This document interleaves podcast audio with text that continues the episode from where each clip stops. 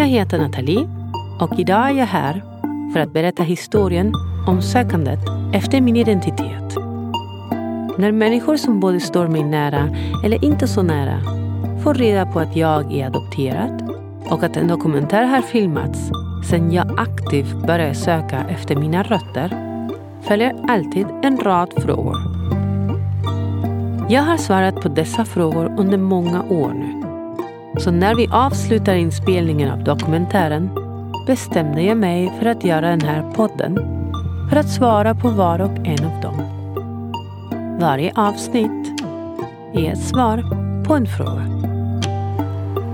Vilka vi egentligen är och vad vår sanna identitet är är frågor som människor har ställt sig själva sedan tidens begynnelse och fortfarande vet ingen riktigt vad som gör oss till dem vi är. Här berättar jag min historia, så som jag har upplevt den. Men snälla, kom ihåg. Detta är inte den enda sanningen. Det här är bara min sanning. Av det som du hör här idag, ta till dig det du vill och låt resten vara. Med detta sagt önskar jag dig ljus och kärlek och en underbar dag.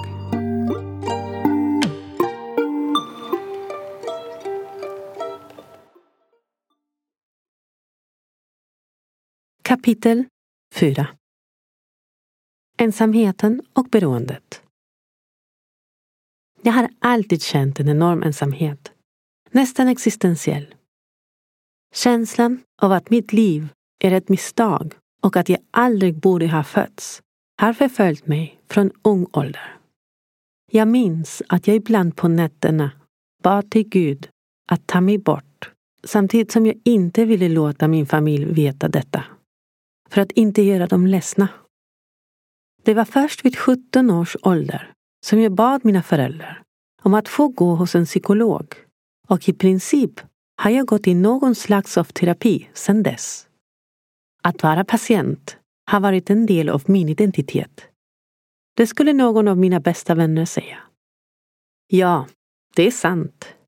Vad skulle jag annars vara om jag inte var just det? För evigt trasig för evig måste lagas. För evig en strävan efter att vara någon annan. Problemet var alltid detsamma, min självkänsla. Men hur blev det så här? Vad hände med mig som gjorde mig till den här? Eller kan det vara så att jag valde den här sitsen för att kunna vara det eviga offret? Jag menar, visste vi alla lite skadade som en konsekvens av att leva på planeten jorden. Men det som alltid stört mig mest med mina trauman är att ha de där inre rösterna som försvagar mig varje dag och får mig att fatta beslut som fortsätter att hålla mig kvar på en plats där jag utsätts för kränkningar. Och såklart samtidigt veta att det är upp till mig att flytta på mig från en sån position men att på något sätt ändå inte kunna det. Men visst, vid det här laget mår jag mycket bättre än tidigare och jag läker sakta men säkert. En dag i taget. Men trots det blir jag väldigt irriterad på mig själv då och då. Och självhatet får ibland frikort när jag inte kan se det bra i mig och när jag hela tiden hamnar i relationer och situationer som bekräftar att jag inte är värd någonting. Det är minst sagt frustrerande. Allt det här nådde sin kulmen 2008. Jag hade fallit offer för en besatthet av en person som insåg hur mycket jag beundrade honom och han passade på att suga ur all självkärlek jag hade. Jag kände att han verkligen såg mig och den del av mig som hade gömt sig kom ut i det fria för att äntligen få ta emot kärlek. Och allt detta hade såklart med musiken att göra. Jag kände mig sedd. Musiken. Den där förbjudna platsen som systematiskt hade kritiserats av min familj och som hade räddat mitt liv så många gånger. Musiken, min räddning.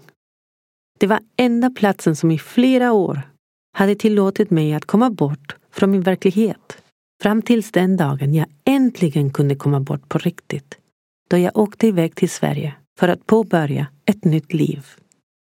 Men vid det här laget hade jag med så många års av terapi bakom mig, plus läsningen av boken Kvinnor som älskar för mycket, kommit till insikt att jag var maktlös och inte hade förmågan att ta mig ifrån den situationen jag var i. Jag var väldigt tydligt min egen värsta fiende och hade inte någon form av makt över mitt beteende. Så det var då jag i augusti 2008 började i ett tolvstegsprogram.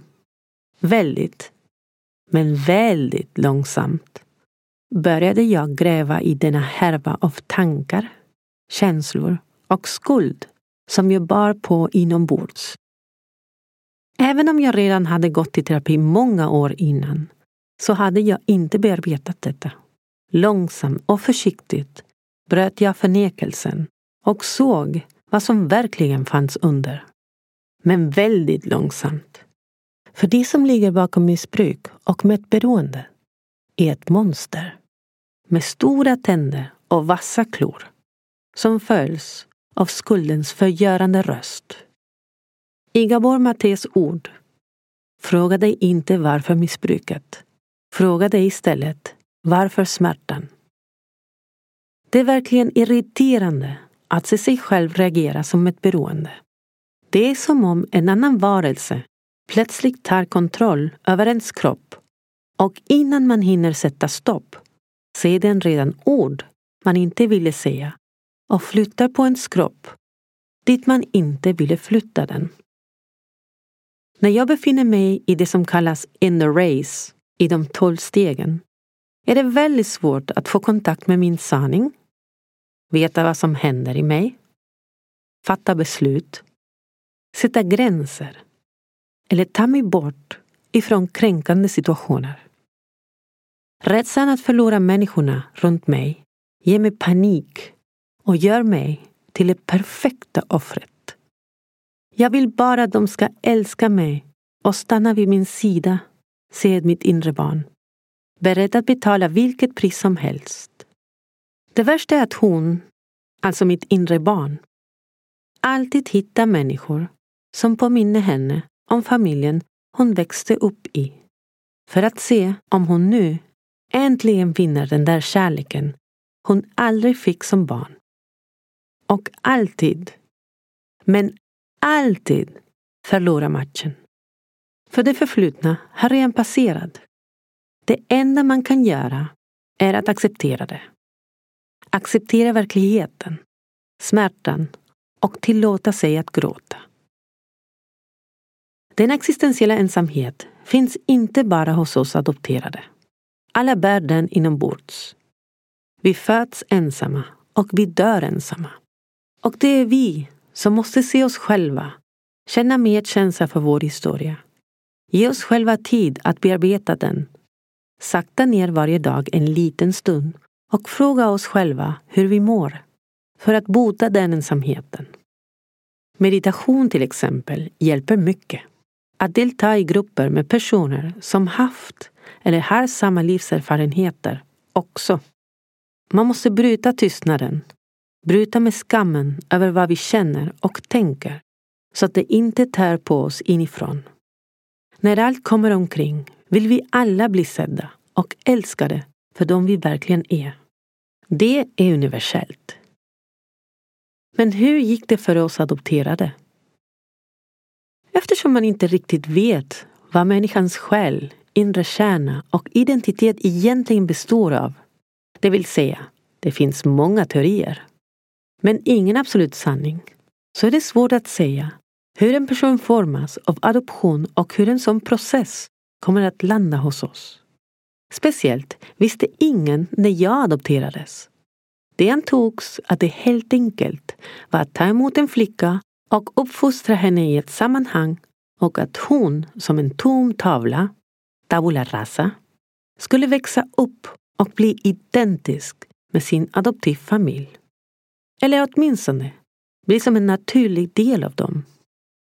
Det första problemet började nog redan när de skulle hämta hos läkaren som hade mig till försäljning och som sålde mig den dagen, Celestina Vartuka. Enligt vad min mamma berättade för mig hade de blivit lovade en blond flicka.